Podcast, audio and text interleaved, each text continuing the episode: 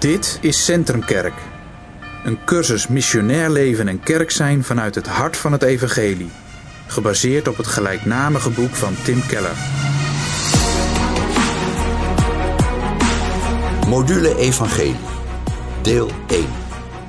Theologie van het Evangelie. Het Evangelie is iets heel anders dan religiositeit of secularisme. Het is een derde manier om een relatie met God te hebben, namelijk genade.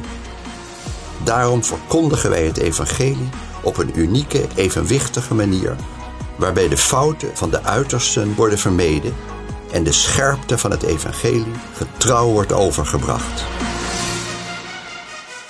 1. Niet alles is het Evangelie. Wat is eigenlijk het evangelie? Niet alles wat de Bijbel leert is het evangelie. Wat is het wel? Over het evangelie is onuitputtelijk veel te zeggen, maar dit is de kern. Het evangelie is het goede nieuws dat God ons door Christus heeft gered om de relatie met ons te herstellen en uiteindelijk alle gevolgen van de zonde in de wereld te vernietigen. Drie zaken zijn belangrijk. 1. Het evangelie is goed nieuws, geen goede raad. 2. Het evangelie is het goede nieuws dat wij gered zijn. 3. Het evangelie is het nieuws over hoe Jezus Christus onze relatie met God heeft hersteld. Wat bedoelen we met deze drie zaken? 1. Het evangelie is goed nieuws, geen goede raad. In het evangelie gaat het niet om een manier van leven, niet om iets wat wij doen, maar om iets wat voor ons gedaan is en waarop wij moeten reageren. 2. Het evangelie is het goede nieuws dat wij gered zijn.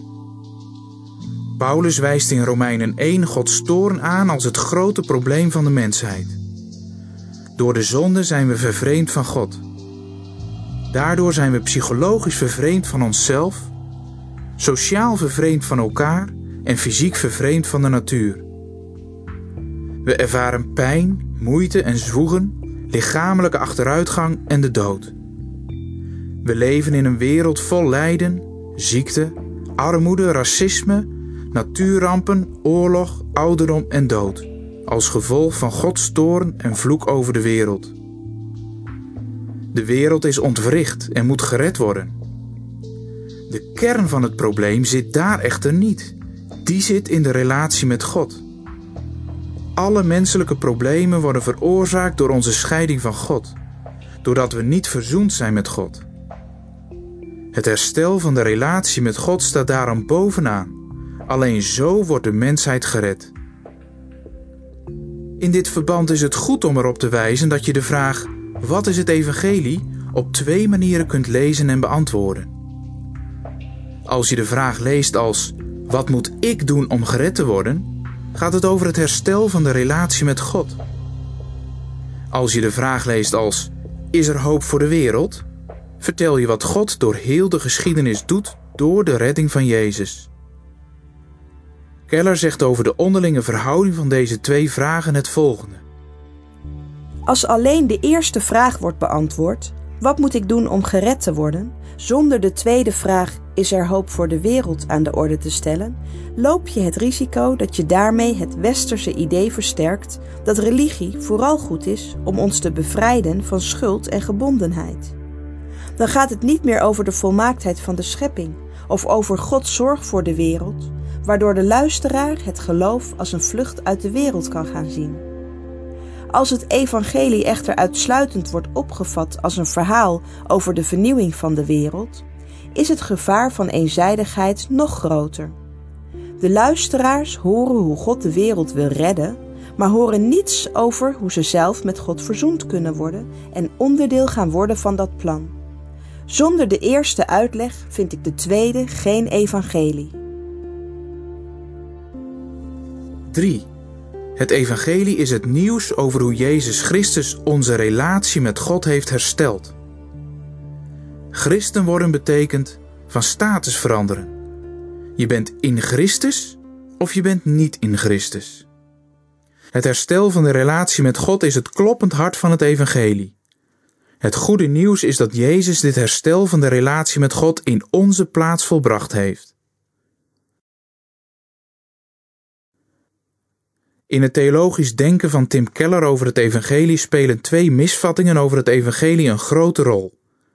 Die misvattingen vervalsen voortdurend de boodschap van het evangelie en beroven het van haar kracht. Het gaat dan om 1. Wetticisme. Volgens het wetticisme moeten we een heilig en goed leven leiden om gered te worden. En 2. Antinomisme. Het antinomisme zegt dat het niet nodig is om een heilig en goed leven te leiden, omdat we al gered zijn. Wetticisme verschijnt ook in allerlei vormen van religie en religiositeit. En antinomisme verschijnt ook in de gedaante van het secularisme en relativisme. Er worden van de mens dus geen daden verwacht om te gaan delen in de vreugdevolle boodschap van het evangelie, maar een gelovig ontvangen. Ook de liefdevolle daden uit dankbaarheid, die uit de ontvangst van deze genade voortvloeien, behoren niet tot het evangelie zelf, maar zijn daar een onlosmakelijke vrucht van. Het evangelie is goed nieuws en heeft een levenstransformerende kracht. Maar de resultaten van het evangelie zijn niet het evangelie zelf. Hoe geef je een samenvattende uitleg van het evangelie? De kern van het evangelie bestaat uit drie basiselementen die uitleggen wat Jezus Christus heeft gedaan om ons te redden. 1. Jezus menswording. 2. Jezus plaatsvervangend sterven. En 3. Jezus herstel van de wereld door zijn opstanding en wederkomst. Om dit verhaal van Jezus en zijn werk te kunnen begrijpen, moet je het omlijsten met uitleg over A. God en de schepping, B. de zonde, C. het geloof. Wanneer we de kern van het evangelie en de omlijsting ervan willen uitleggen, komen dus zes zaken aan de orde.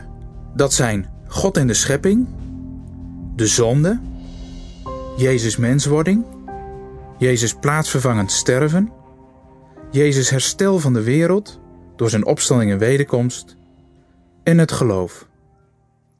Ik licht elk van deze zes zaken kort toe. God en de schepping. De mens is geschapen door een drie-enige God. God is wezenlijk liefde en op de ander georiënteerd. God schiep ons om ons te laten delen in Zijn liefde en dienstbaarheid. De zonde staat daar lijnrecht tegenover. Zelfzucht, aantasting van alle relaties, met geestelijk, psychologisch, sociaal en fysiek verval als gevolg. Zonde betekent echter niet alleen lijden, maar ook schuld. Gods oordeel is het andere gevolg van de zonde. Het komt echter weer goed door Christus, in de eerste plaats door zijn menswording. De tweede persoon in de drie-eenheid, de Zoon van God, kwam als mens, Jezus Christus, in de wereld. Hij maakt het weer goed door plaatsvervanging. Omdat wij schuldig zijn en het oordeel verdienen, kan een rechtvaardige God onze zonde niet zomaar negeren. Jezus leidde een volmaakt leven. Aan het einde van zijn leven verdiende hij het door de Vader te worden gezegend en aanvaard. Aan het einde van ons leven verdienen wij verwerping en oordeel, omdat ieder van ons in zonde leeft. Jezus onderging echter in onze plaats aan het kruis de afwijzing en het oordeel die wij verdienen, zodat wij, als we in Hem geloven, de zegen en de aanvaarding kunnen ontvangen die Hij verdiende. Jezus maakt het tenslotte weer goed door alles te herstellen.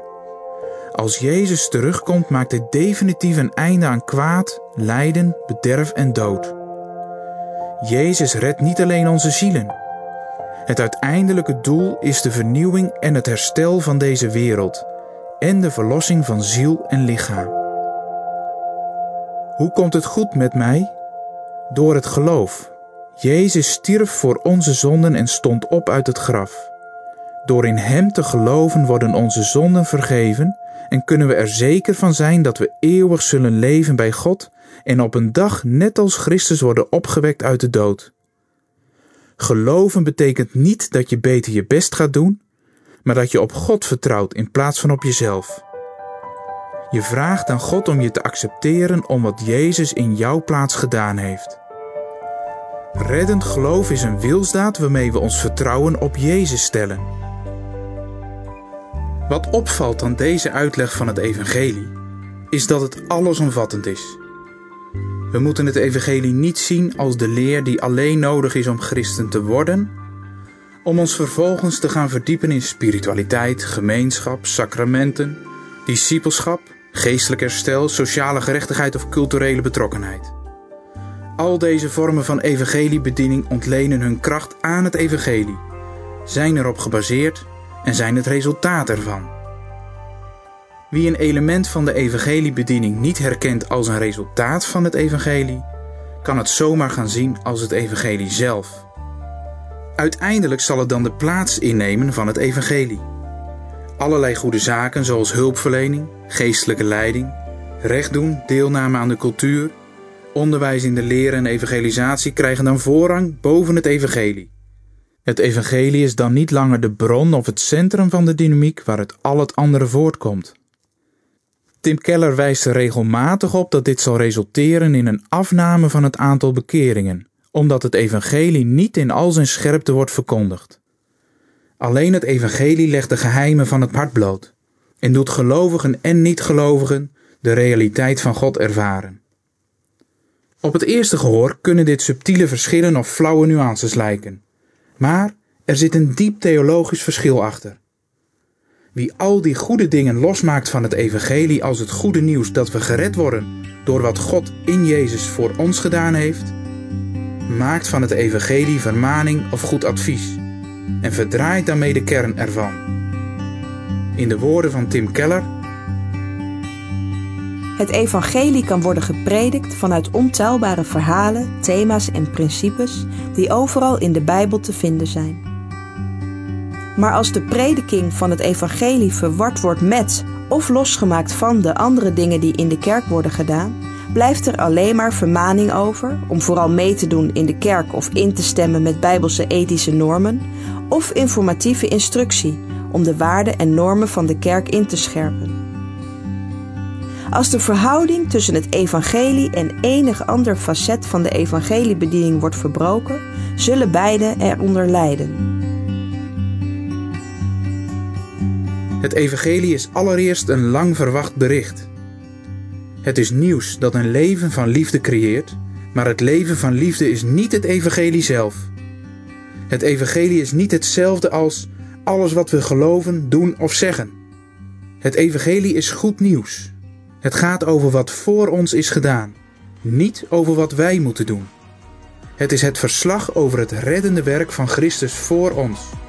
Daarom is het een boodschap van genade.